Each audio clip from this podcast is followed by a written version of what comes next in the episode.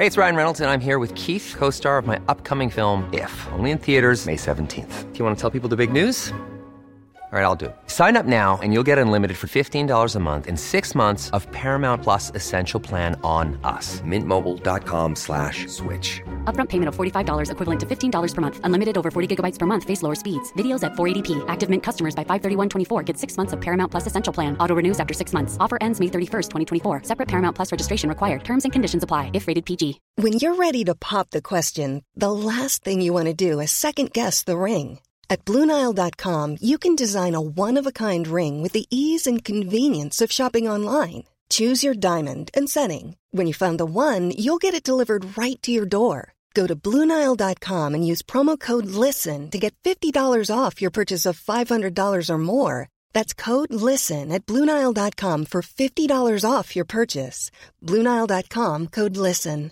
I'm Sandra, and I'm just the professional your small business was looking for. But you didn't hire me because you didn't use LinkedIn jobs. LinkedIn has professionals you can't find anywhere else, including those who aren't actively looking for a new job but might be open to the perfect role, like me. In a given month, over 70% of LinkedIn users don't visit other leading job sites. So if you're not looking on LinkedIn, you'll miss out on great candidates like Sandra. Start hiring professionals like a professional. Post your free job on linkedin.com/people today.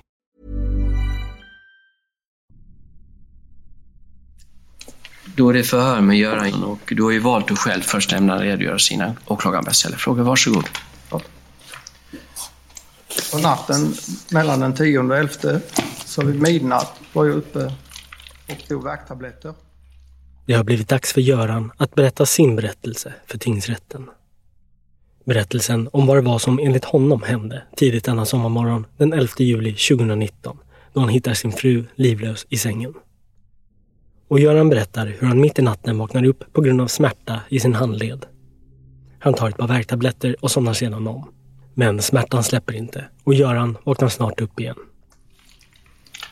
Vid femtiden på morgonen steg jag upp. för Jag hade så ont i min hand. Och gick ner och tog nya tabletter och satte på kaffet. Så han går då nerför trappen till köket där han brygger kaffe. Enligt Göran ska han och Karina kvällen innan bråkat om en obetald faktura. Så vid köksbordet uppehåller han sig med att gå igenom gamla fakturor för att få rätt sida på det. Sen började Karinas väckarklocka ringa.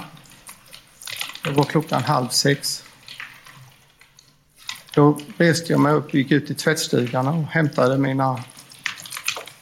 mina eh, tog, eh, min, tog på mig en t-shirt och hämtade shortsen och ett par strumpor.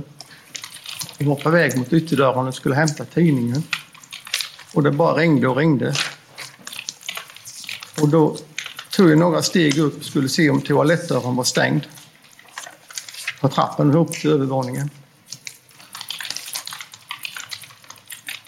Och eh, den var öppen. Så då gick jag uppåt och så sa jag varför stänger du inte av? Och när man kom upp i hallen kan man se in i sovrummet. Då ligger Karina mellan nattduksbordet och, och eh, mellan nattduksbordet och sängen på golvet.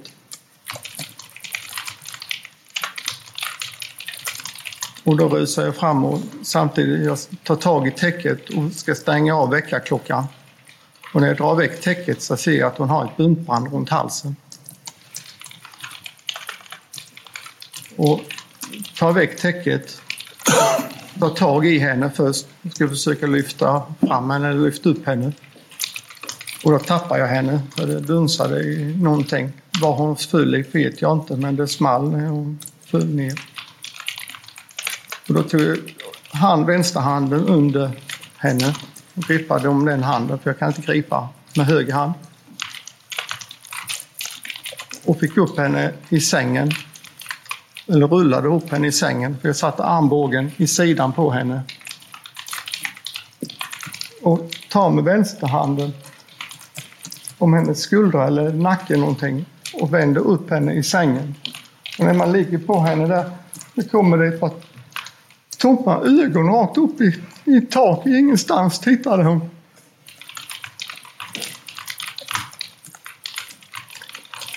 Jag tänkte nu är det brott.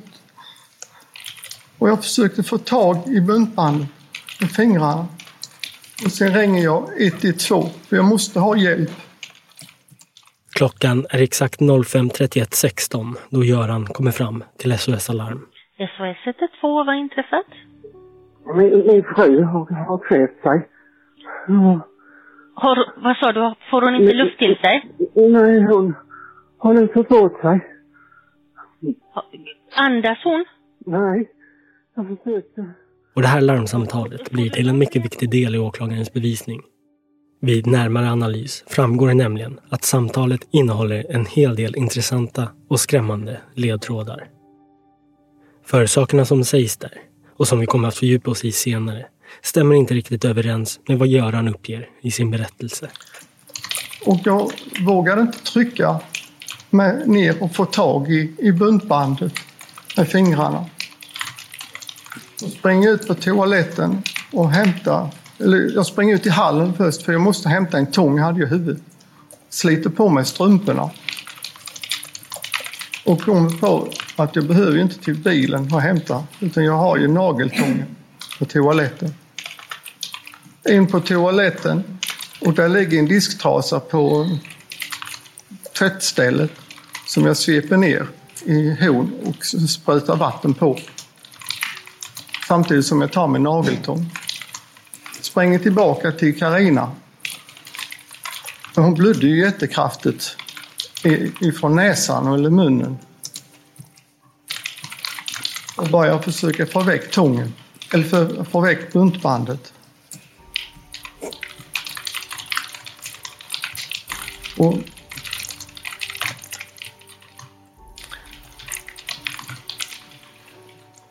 efter jag fick väck buntbandet så uppmanade larmtjänsten att jag skulle ta ner henne på golvet.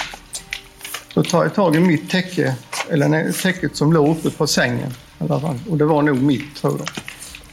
jag tar det under henne, trycker in med vänsterhanden och så drar ner henne på golvet.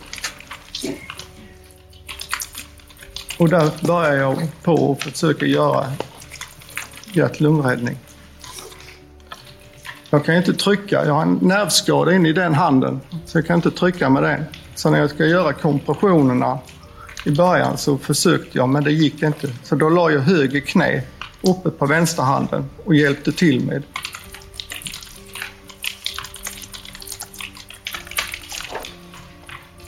Det var så trångt att jag fick vända mig om, resa mig och vända på mig för att kunna göra inblåsen.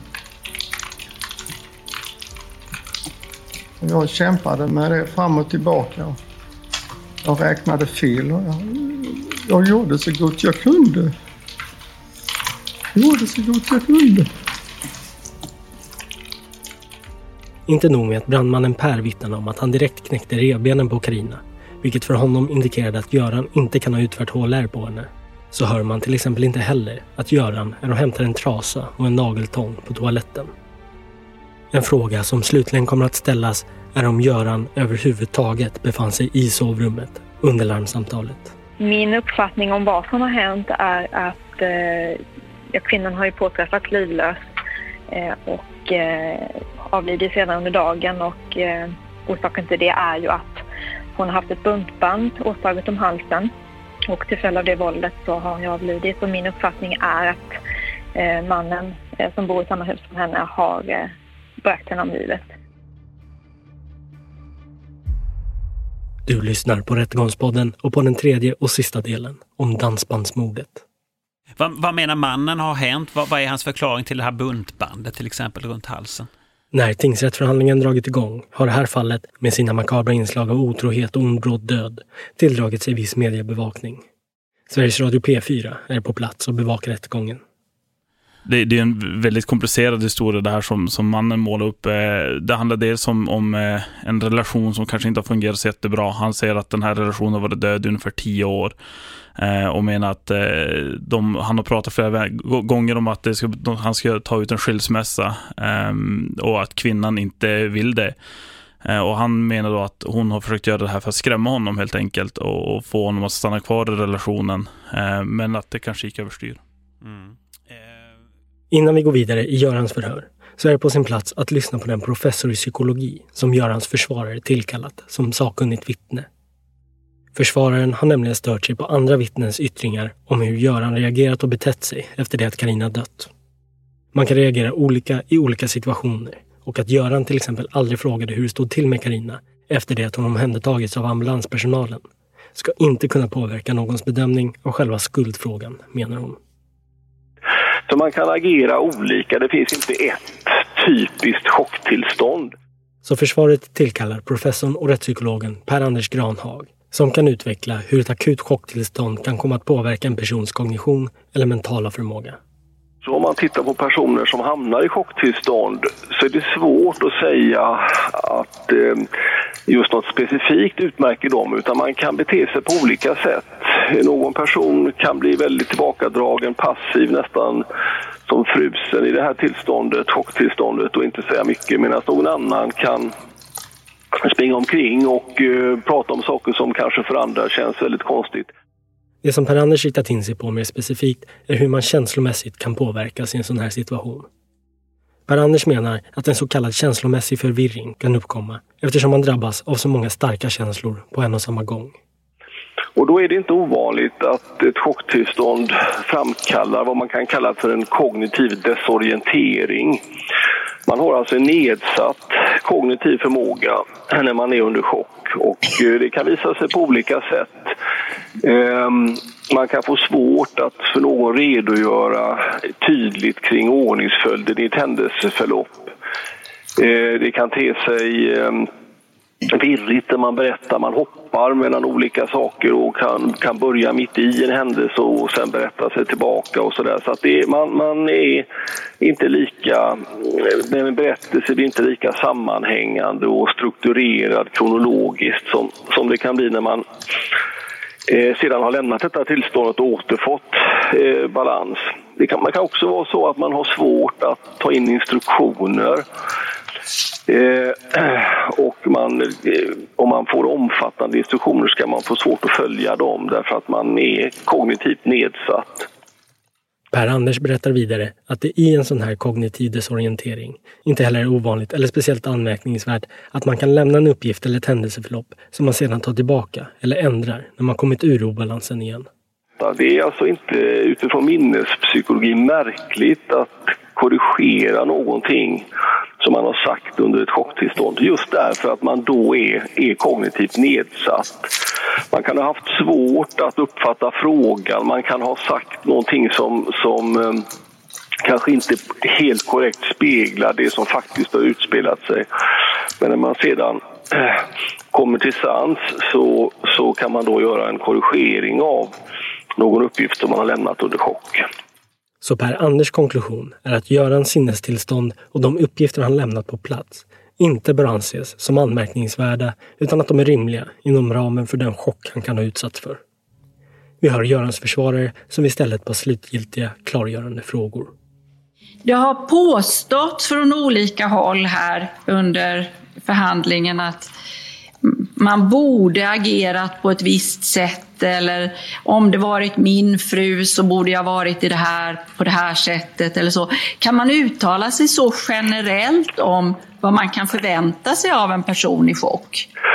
Alltså det, det är väldigt svårt att ta sig själv som utgångspunkt och säga hade jag varit med om detta så hade jag agerat på si eller så vis. Och därför tycker man då att det är märkligt att en person eh, inte agerar på det sättet som man tänker sig själv att man hade agerat eller som man tycker skulle vara typiskt. Så att chocken rymmer många olika typer av agerande. Det finns inte ett vad säger, adekvat eh, uppträdande i chock.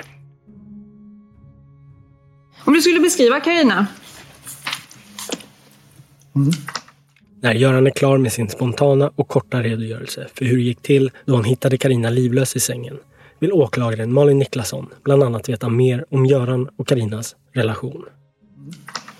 Hur skulle du beskriva henne? Hon hade flera sidor.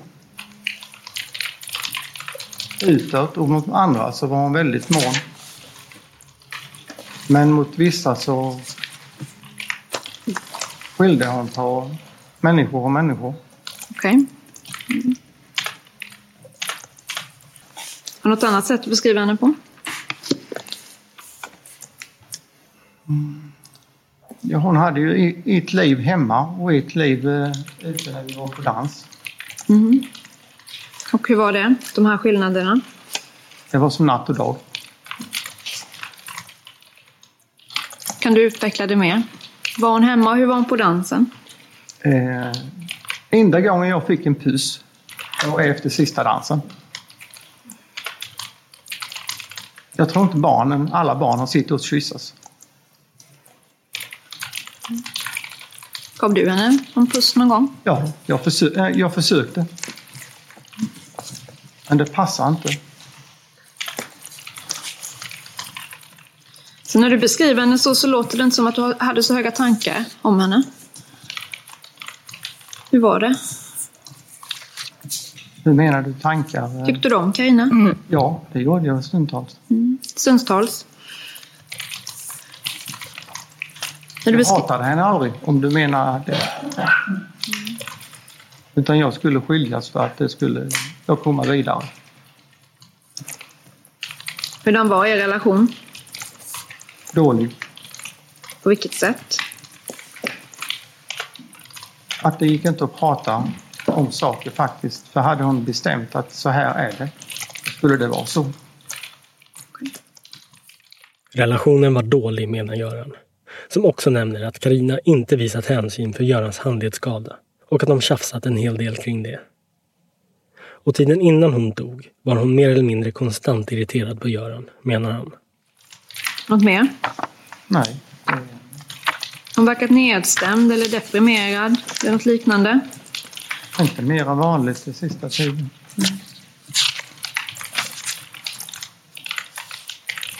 Kriga och, och bara blicka. Det har varit hennes attityd i alla tider.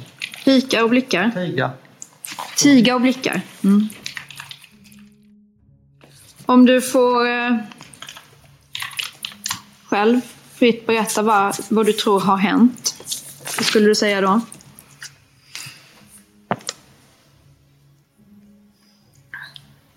Nu förstod jag inte. Vad tror du har hänt i sovrummet? Jag tror Karina skulle skrämma mig tillbaka. Hon skulle skrämma dig tillbaka. Ja. Vad menar du med det?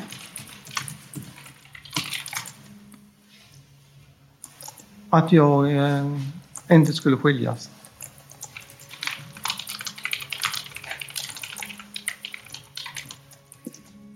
Göran tror att Karina misstänkte att en skilsmässa var på gång eftersom de tjafsat och bråkat så mycket den senaste tiden.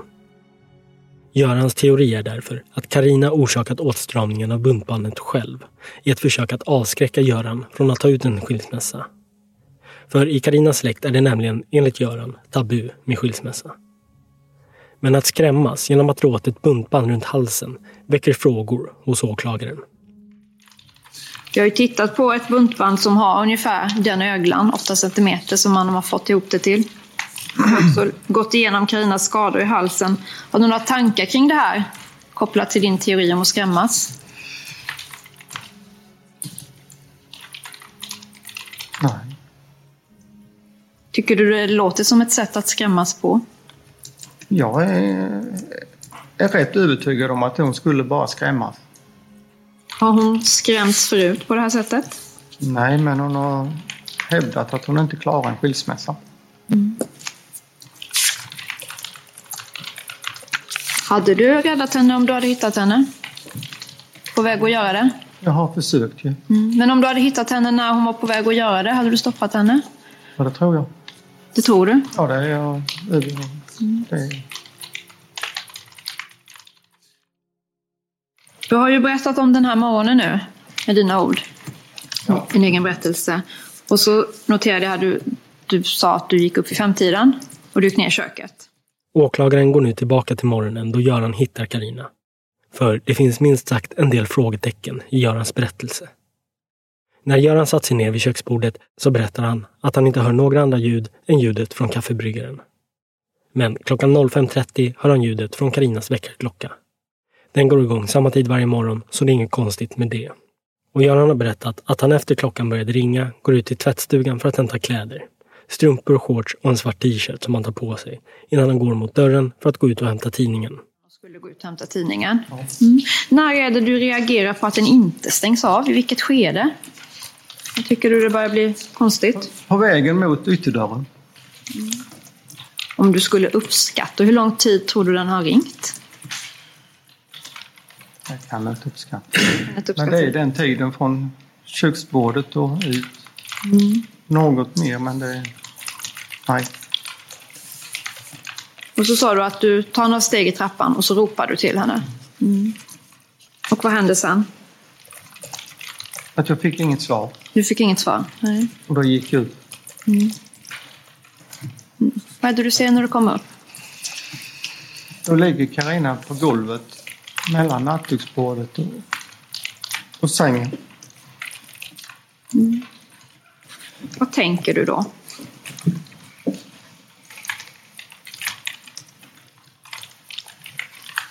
Vad är det som har hänt? Mm.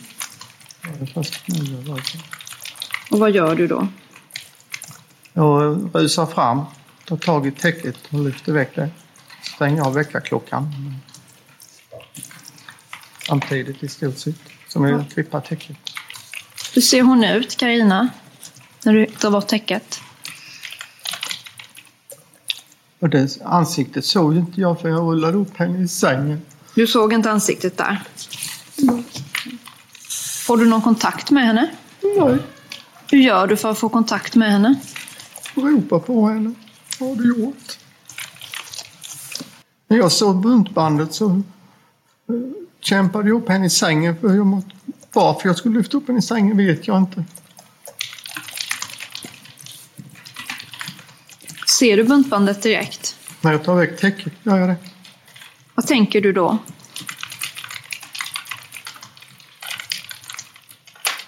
Vad har du gjort? Vad sa du? Vad har du gjort? När du ser det här buntbandet, förstår du då att det är det som har skadat henne? Att hon är livlös? Jag vet inte. Mm. Ja, det, Vad sa du? jag vet inte men eh, om jag tänkte det men nog måste det ha gjort. Mm. Då funderar jag på varför du inte försöker få bort det omedelbart. Jag behövde ju få plats. Vad sa du? Jag behövde ju ha plats. För att få bort buntbandet? Ja. Jag vet inte varför, vad det blev i huvudet. Jag har ingen förklaring. Nej. Du sa ju det innan att jag vet inte varför jag försökte lyfta upp henne i sängen. Men jag ställer ändå frågan igen. Varför ska du upp henne i sängen? Ja, jag vet inte. Mot... eh, Kan du beskriva hur det går till när du ska lyfta upp henne i sängen? Första gången så tar jag i hennes ja, underarm eller överarm med fingertopparna och i, någonstans i knä eller lår. Men eh, så fort det börjat lyfta så tappar jag henne. Jag har ju ingen kraft i min tumme på högersidan. Mm. Och så beskriver du att du tappar henne. Mm. Hur, hur landar hon då? Det vet jag inte. Hon slog i golvet. Eller något sånt. Något slog hon i. För.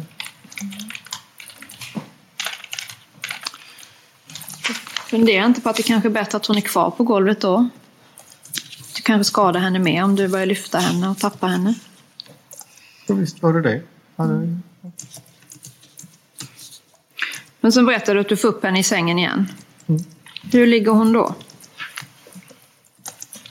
I sängen? I sängen fick jag henne på rygg. Mm. När ringer du 112? När jag hade fått upp henne i sängen. Gör du inte det direkt? Vet du hittar inte. henne? Vet inte.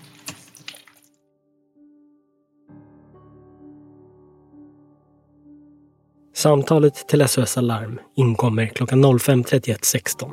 Exakt en minut och 16 sekunder efter det att Karinas väckarklocka gått igång. Och från det att väckarklockan gått igång hinner alltså Göran först gå ut till tvättstugan, hämta strumpor, shorts och en t-shirt som han dessutom sätter på sig. Han går sedan ut i hallen, men reagerar på att klockan aldrig slutar ringa och tar ett par steg upp i trappen mot övervåningen och ropar på Karina. Han ser då in i sovrummet att Karina ligger på golvet mellan nattduksbordet och sängen, insvept i ett täcke. Han går då in i sovrummet, stänger av väckarklockan samtidigt som han drar av täcket från Karina och upptäcker då buntbandet kring hennes hals. Han hinner tänka, vad har hon gjort? Innan han greppar tag om hennes armar i ett försök att lyfta upp henne i sängen. Men på grund av att han är så svag i sin ena hand tappar han henne.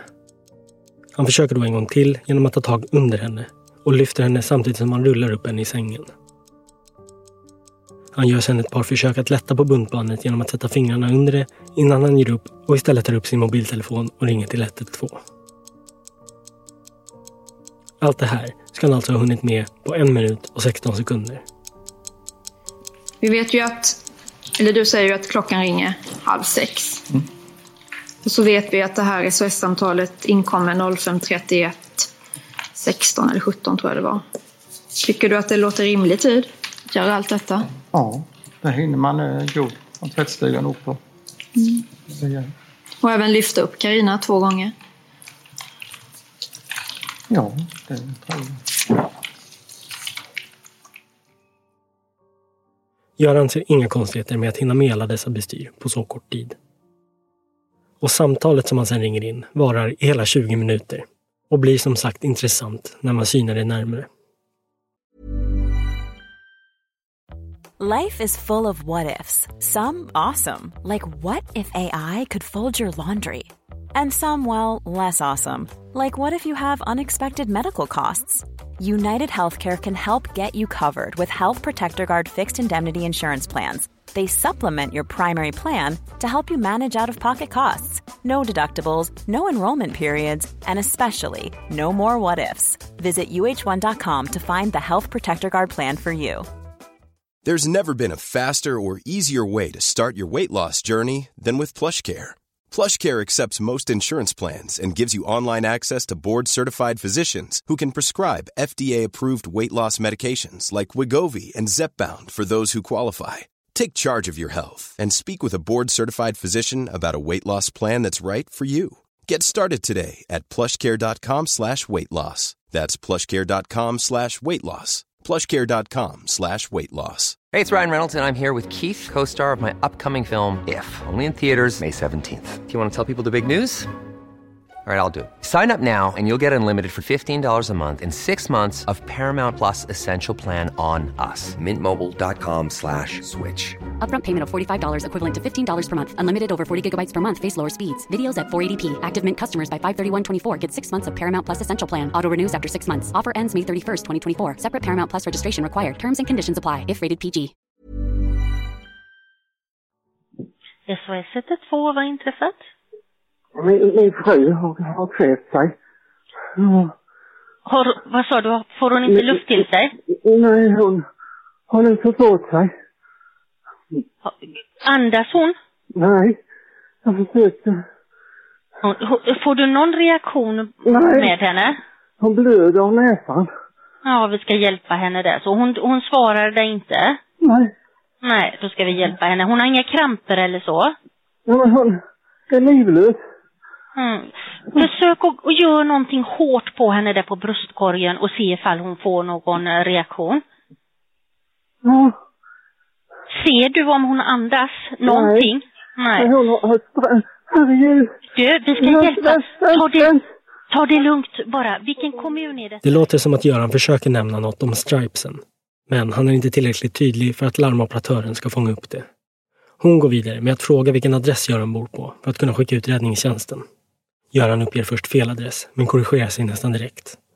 Vi är nu två minuter in i samtalet. Göran? Ligger din fru i sängen? Ja.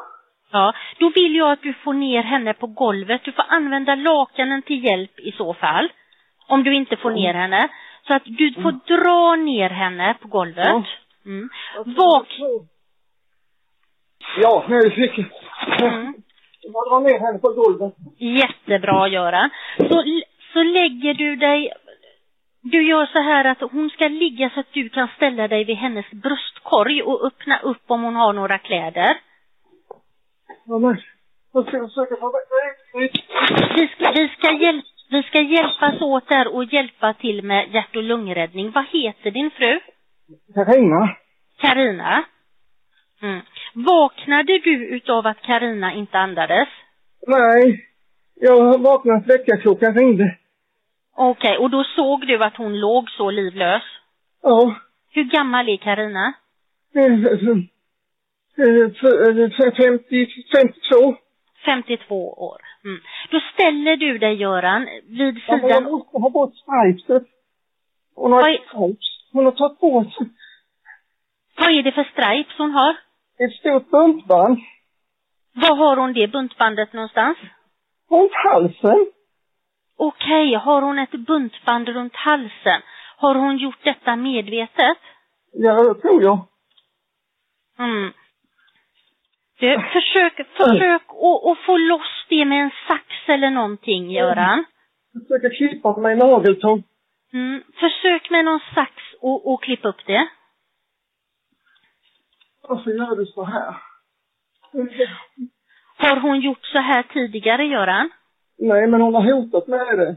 Ja, okej. Men hon har aldrig gjort något försök tidigare? Nej, bara gått iväg i skogen och varit arg. Ja. Göran, får du... Hit. Eller? ambulansen larmar medan vi pratar här nu. Hittar du någon sax så du får upp det här buntbandet? Ja, jag har fått väck det. Du har fått väck det? Det dröjer 3 minuter och 20 sekunder innan Göran för första gången klart och tydligt nämner att Karina har ett buntband runt halsen. Och detta gör han alltså efter att larmoperatören uppmanat honom att dra ner Karina på golvet, vilket klart och tydligt framgår i samtalet. Men det här stämmer alltså inte överens med Görans egna berättelse. För du ringer till SOS och berättar att du har hittat henne livlös. Eller hur? Det är vi överens om. Och så berättar du din adress. Ligger Karina i sängen då? Ja. Det gör hon. Mm. Tar du bort buntbandet först eller drar du ner henne på golvet först? Klipper loss buntbandet. Är du helt säker på det? Ja. Göran har vid det här laget själv fått ta del av utskriften av larmsamtalet, men vidhåller ändå, av någon anledning, att han tog loss buntbandet först, innan han drog ner henne på golvet. Kanske för att han insett att det är den mest rimliga ordningsföljden att göra det på, om man vill försöka rädda Karinas liv. Anledningen för att jag frågar är att när man läser den här utskriften av SOS-samtalet så, så eh, får man uppfattningen att du drar ner henne på golvet först. Och sen klipper bort det här buntbandet.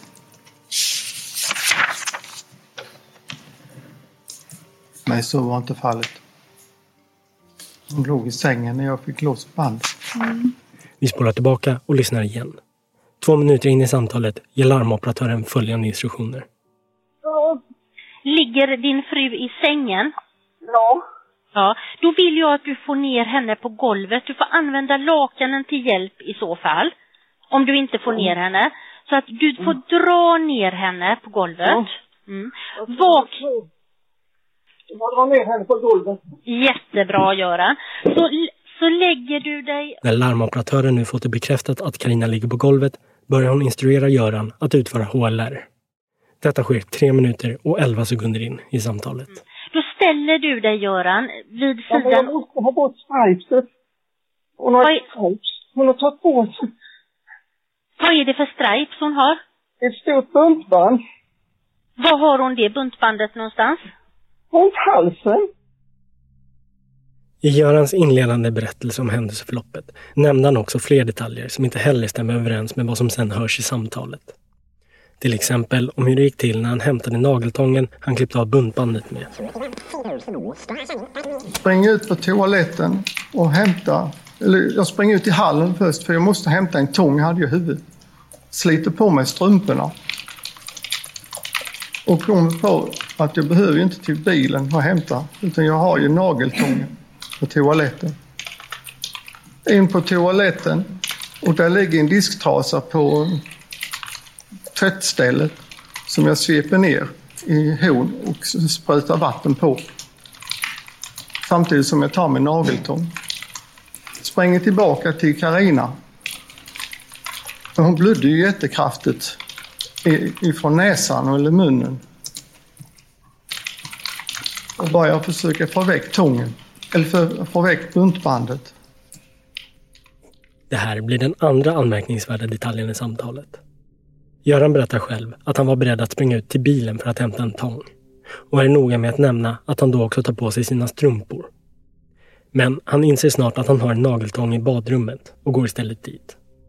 Väl inne i badrummet hämtar han nageltången men sprutar även vatten på en trasa som han tar med tillbaka in i sovrummet eftersom Karina också var väldigt blodig. Är det under samtalet? Jag hämtar tången, ja. Mm. Och det är då du hämtar den här trasan också? Ja. Men några ljud av fotsteg eller vatten som spolar hörs inte i samtalet. Vi lyssnar igen. Försök att, få loss det med en sax eller någonting, Göran. Försöka klippa med nageltång. Mm. Försök med någon sax och, och klippa upp det. Varför gör du så här? Har hon gjort så här tidigare, Göran? Nej, men hon har hotat med det. Ja, okej. Men hon har aldrig gjort något försök tidigare? Nej, bara gått iväg i skogen och varit arg. Ja. Göran, får du... Hit, hit, ambulansen larmar medan vi pratar här nu. Hittar du någon sax så du får upp det här buntbandet? Ja, jag har fått väck det. Du har fått väck det? Men jag har ingenting att du är ute i badrummet eller att du spolar med vatten eller sånt. Hur kan det komma sig? Är du verkligen under SS-samtalet? Man hör vattnet på ett ställe. Du hörde det? Ja, Jag är inte hundraprocentigt, men jag tror jag... Är det verkligen så att du hämtar den här tången och, och trasan Ja, under det tiden? är det.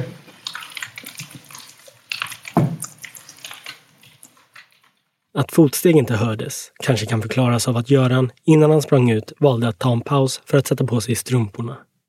Men vatten som spolar borde rimligtvis ha hörts. Den tredje anmärkningsvärda detaljen är att Göran uppmanas göra HLR. Vilket man också hör honom göra, gång på gång på gång, under större delen av det resterande samtalet. Till han, han håller på med HLR där så. Jättebra. Eh, buntbanden borta. Ja. Jättebra, Göran. Men när räddningstjänsten kom till platsen så vittnade brandmannen Per, som tog över HLR, att ingen kan ha utfört några hjärtkompressioner på Karina eftersom han direkt bryter Karinas revben. Och så får du instruktioner att göra HLR. Hur går det? Dåligt. Varför det? Jag kan inte använda båda händerna. Gör du som hon säger, SS-operatören? Ja, så gott jag kunde. Du säger att det, det går dåligt. Varför talar du inte om det för SS-operatören att du har svårt att göra HLR? Vet inte. Hon uppmanade mig att räkna och uppmanade mig att blåsa. Vet du om du bryter några revben? Nej, det vet jag inte.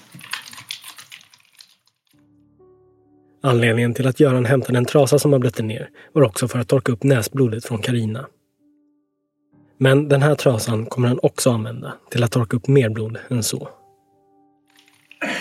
Du säger att eh, du ser blod, att Carina blöder kraftigt. Men du ser inget annat blod i sovrummet?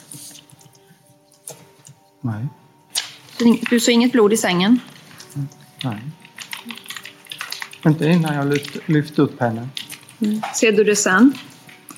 Ja. När ser du det? Både när jag satt och hämtade andan och hon blödde ju när, med näsan. Jag försökte torka. Var torkar du henne? Va? Var torkar du henne någonstans? I näsan och munnen. Hon blödde ju av näsan. Mm. Ser du något blod som inte är på Carina i rummet? Inte som jag reflekterade. Du har inte reflekterat över något blod?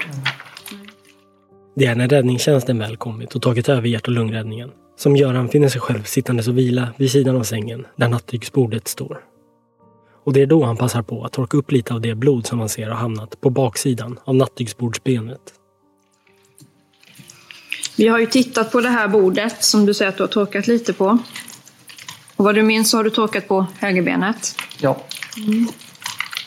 Jag har ju tittat på det och ser att det är ganska mycket blod på det. På alla sidor. Hur kommer det sig? Vet inte. Mm. Har du någon tanke kring hur Karinas blod kan ha landat runt om på det här bordet? Jag har ingen förklaring.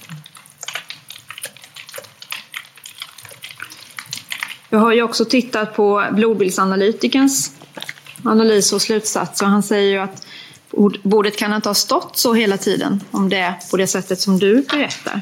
Vad tänker du kring det? Ja, det står ju längre till vänster än det står på bilderna ni har tagit. Mm. Och om det var vridet något när jag satte mig ner framför Karina, det vet jag inte. Om jag har vridit in det eller jag har snurrat in det eller lyft in det, det vet jag inte. Men du vet väl om du har vridit på det mycket? Nej, jag, jag vet inte. Har du lyft i det? Jag har tagit i det, det har jag säkert gjort, men... eh, Ja, men var och när? Det var för att fördriva, alltså för, för att se aktiv ut. Varför ska du se aktiv ut? För jag orkar inte resa mig. Men det är väl ingen som hade tyckt det var konstigt om du bara satt där med tanke på Ja, men vad det som hände? uppmanade mig att gå ut hela tiden. Jag var inte kapabel att resa mig. Var det någon som hjälpte dig? Upp? Ja. Nej. Men du gick ut till slut ändå, har jag uppfattat det som. Ja. Göran har ingen förklaring till hur blodet har hamnat på nattduksbordet. På ställen som starkt talar för att bordet inte kan ha stått på en och samma plats vid hela händelseförloppet. Inte heller vet han hur det kommer sig att blod hamnat inuti boken och tidningen. Vet du hur Karinas blod har hamnat i boken? Nej. Har du slagit ihop boken och lagt den där? Vet. Det måste du väl veta? Nej, det vet jag inte. För du har ju fått den frågan tidigare av polisen och då har du sagt att du inte har gjort det. Har du gjort det? Nej, jag har inte slagit ihop någon bok eller vad jag vet. Har du städat i det här rummet innan räddningstjänsten kommer? Nej. Vad tänker du när du ser den här uh, blodbildsanalytikerns undersökning?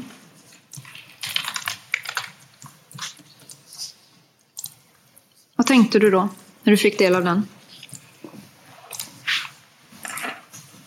Ja, jag vet inte hur det har kommit, eh, hur det har blivit så spridigt. Det är det du syftar på? Mm. Ja, om du hade någon tanke? Nej. Nej. Kände du till att man kunde upptäcka och se borttorkat blod på det här sättet? Jo, ja. Det visste du? Mm. Hur hade du fått den informationen? Jag har sett dem göra sånt. Eller sett sån utrustning, ska jag säga, att man kan lysa efter blod och saliv och allt möjligt. sånt. Vad händer med den här trasan?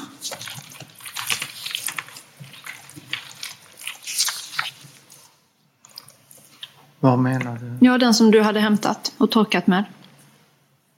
Den har jag i fickan. Den har du lagt i fickan. Den trasa som Göran använt till att torka bort blod med stoppar han i fickan och bär den med sig efter det att deras hund kommer in och räddningstjänsten uppmanar honom att ta hunden och lämna sovrummet. Och den här trasan påträffar polisen senare i tvättstugan. Du berättade att du har torkat Karina på näsa och mun och hon blöder kraftigt och du har torkat på bordsbenet. Men det är inte jättemycket blodfläckar på trasan reagerar jag på. Det är därför jag frågade om, om du kan ha sköljt den eller inte. Eller du tänker kring det. Nere i tvättstugan kan jag mycket väl ha, ha sköljt trasan. Men du minns inte det? Nej. Vid något tillfälle, efter att räddningstjänsten kommit till platsen, måste alltså Göran ha lyckats hitta en lucka när han gått till tvättstugan och lagt trasan där. Han minns att han var där och sköljde av händerna, men minns inte om han då även sköljde av trasan. Eller så gjorde han helt enkelt allt detta innan någon kom till platsen. Och kriminalteknikernas bedömning att Karina bara legat och blött i sängen i 30 minuter är också en uppgift som blir svår att passa in i Görans redogörelse av händelseförloppet. Lyssna på en kriminaltekniker som säger att eh, han gör bedömningen att Karina har legat i sängen och blött i uppemot 30 minuter. Vad tänker du kring det? Det gjorde hon inte. Det var en stund från jag lyfte upp henne till jag tog ner henne på golvet.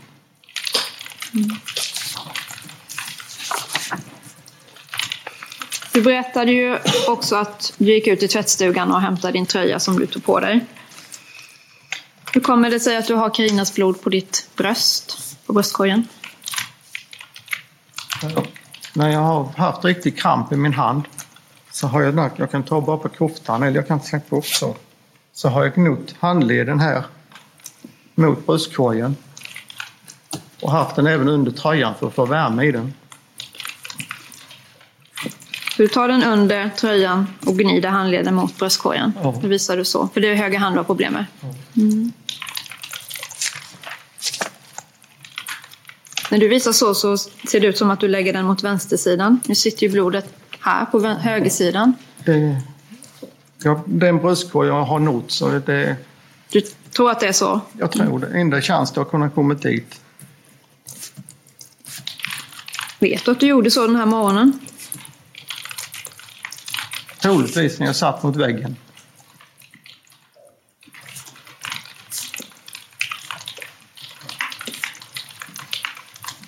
Vet du det eller är det någonting som du bara spekulerar kring? Nej, jag hade så ont så jag hade säkert en... eh, Det är mer en spekulation. Det är mer en spekulation. För jag tänker, du minns ju inte om du har torkat på golvet till exempel, men det här vet du säkert att du har gjort. Är det så? Nästintill. Mm. Göran kan inte på ett övertygande sätt ge rimliga förklaringar till alla de fynd och undersökningar som gjorts i sovrummet. Och inte heller varför uppgifterna i larmsamtalet skiljer sig mot hans nuvarande berättelse. Vad tänker du kring att Carina är död? Att det är hemskt. Jag stannar där, tack. Förhören med Göran rundas av och Göran och Karinas barns målsägande beträde tar över. Fråga. Varsågod.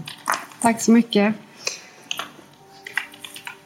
Göran, eh, vad tyckte du om Karina egentligen? Jag tänker vi har lyssnat på dig här nu en stund och jag har inte hört någonting positivt om Karina. Nej, de sista tio åren har det bara varit. Det kan man säga. Jag har varit en... Eh, ja, en som skulle jobba bara. I hennes ögon. Då förstår jag att det var väldigt angeläget för dig och att det skulle komma till stånd en skilsmässa. Om du kände så. Ja. Varför har du då inte förvissat dig om att den här skilsmässoansökan har kommit in till rätt instans? Om du hade googlat skilsmässa och blankett, vad tror du hade kommit upp då? Var jag skulle skickat den. Ja, det tänker jag också. Inga papper om skilsmässa skickades någonsin in och den uppgift Göran lämnat om att det var uttalat och planerat att Göran skulle bo själv i det hus som han och Carina höll på att bygga förbryllar också. Huset är nämligen beläget i nära anslutning till Karinas släktingar. Men du tänkte att du skulle bo där uppe själv bland Karinas släktingar trots att du, som du sa själv, skulle fly från det äktenskapet? Ja. Du har ju berättat för oss att du tror att Karina skulle skrämma dig. Mm. Du har ju också fått ta del av de omfattande skadorna som Karina hade i halsen. Du berättar också att eh, du inte kan få in fingrarna mellan buntbandet och halsen, att du är rädd att du ska skada henne då. Utifrån det drar jag slutsatsen att det här buntbandet satt väldigt hårt. Tror du att det är så man skulle göra? Dra åt det så kraftigt att det blir så allvarliga skador i halsen och dessutom att det sitter så hårt att du inte kan få in fingrarna innanför buntbandet. Tror du att det är realistiskt att hon skulle skrämma dig på det sättet? Jag drar åt ett buntband. Där finns ju ingen stopp i det. Så det... Jag tror det var skrämsel. Det vet jag han har gjort vid något tillfälle. Men om det var kvällen innan, det vågar jag inte säga. Om man nu skulle skrämt dig, Göran, om man då inte... Då vill man väl ändå bli hittad. Då gör man väl kanske ändå något ljud ifrån sig för att banka i väggen. rulla ner från sängen så att det hörs när man sitter ner i köket. Om det nu är så att hon bara vill skrämmas så måste man det också gå ut på att man ska göra någonting för att bli hittad i tid så att säga.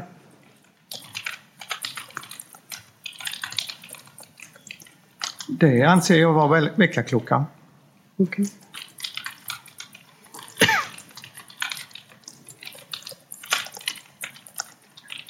När du säger till SOS Alarm att du kanske ska gå ner och låsa upp dörren. Sen hör man ju på SOS Alarm vad det är du gör efter det. Målsägande beträdet kommer nu in på den fjärde anmärkningsvärda detaljen i larmsamtalet. Den sker åtta minuter in i samtalet då larmoperatören säger att räddningstjänsten snart är där. Och det kan ju vara så att det är räddningstjänsten som kommer först, gör han där så till er. Så du inte blir för... Göran kommer då själv på att det är en bra idé att då gå ut från sovrummet, genom hallen och nerför den 12 steg långa trappan för att gå och låsa upp ytterdörren. Ja, Mm. det är... Man ändå. ja, kan du göra det? Spring och gör det nu och kom snabbt tillbaka igen så öppnar du ytterdörren.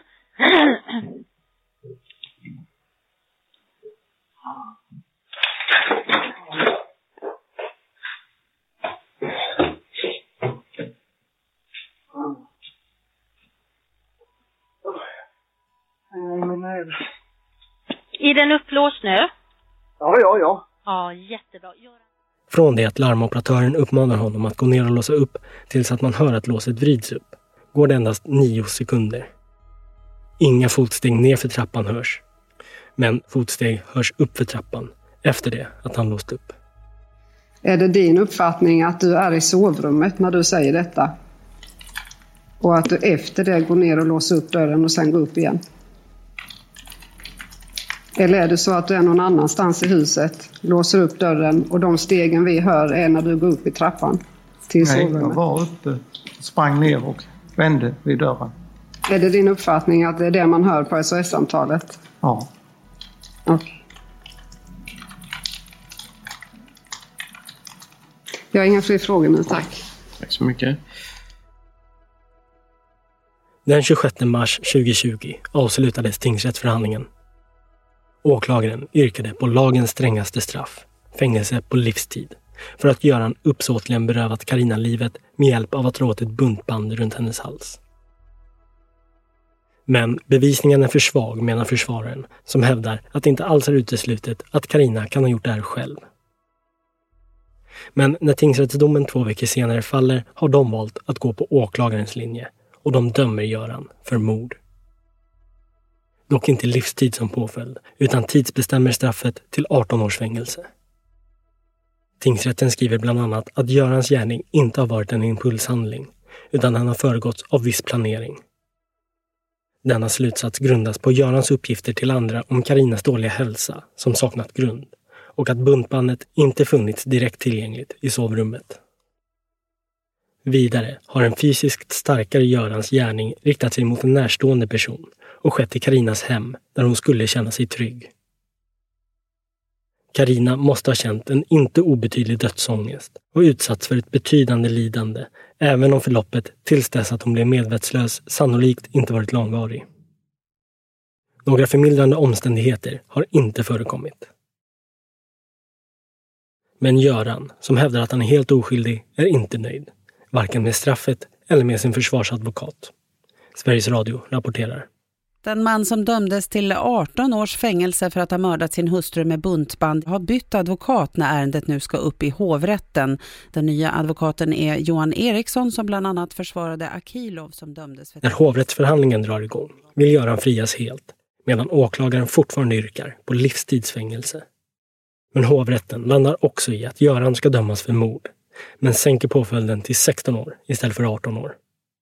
I hovrättens dom står det att det kan uteslutas att Karina oavsiktligt i syfte att skrämma Göran på sätt som denne påstått kommit att beröva sig själv livet. Men, liksom tingsrätten anser hovrätten att det inte framkommit några förmildrande omständigheter som skulle tala för ett lägre straffvärde än fängelse i 14 år. Det finns dock försvårande omständigheter, Men inte av sådana slag att livstidsfängelse eller fängelse i 18 år ska dömas ut. Däremot föreligger sådana klart försvårande omständigheter att straffvärdet motsvarar 16 år. Vilket då blir påföljden hovrätten ändrar till. Men Göran är inte nöjd med det här heller och väljer att överklaga sitt mål till Högsta domstolen. Dock utan vidare framgång. Den man som dömts till 16 års fängelse för att ha strypt sin hustru till döds med ett buntband får nu sin dom fastställd. Detta sedan Högsta domstolen har beslutat att inte ta upp fallet till prövning. Den morddömde mannen har hela tiden påstått att hans hustru trätt buntbandet runt sin hals och orsakat... Du har lyssnat på Rättegångspodden om dansbandsmordet. Mitt namn är Nils Bergman. Ansvarig utgivare är Jonas Häger. Stort tack för att ni lyssnar.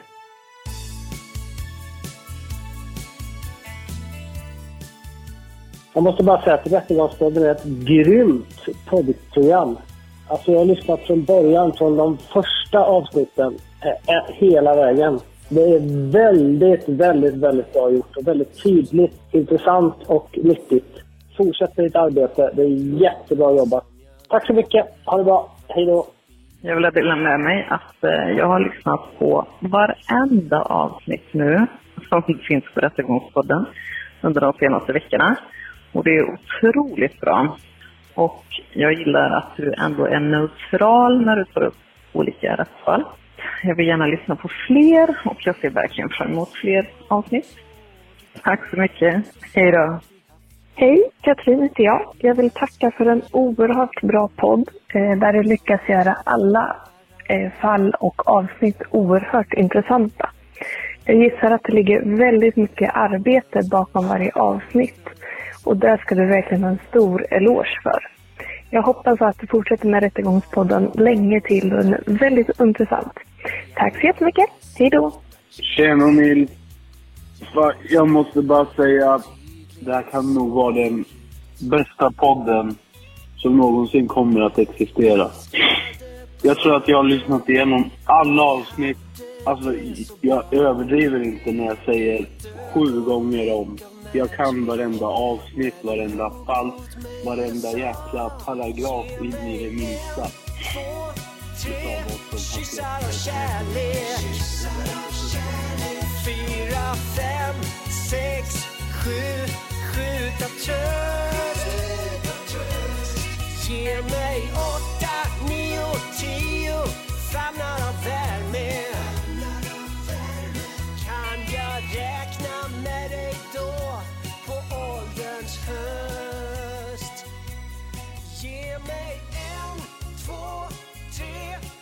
Kyssar och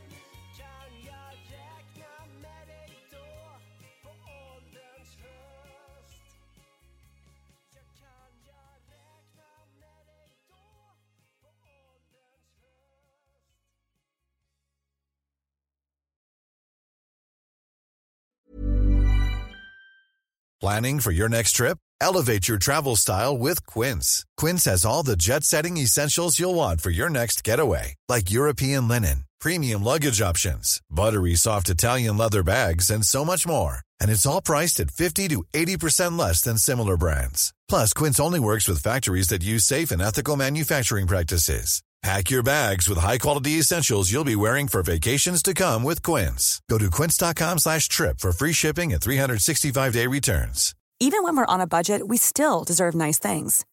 Quince is a place to scoop up stunning high-end goods for 50 to 80% less than similar brands. They have buttery soft cashmere sweaters starting at $50, luxurious Italian leather bags, and so much more. Plus, Quince only works with factories that use safe, ethical, and responsible manufacturing.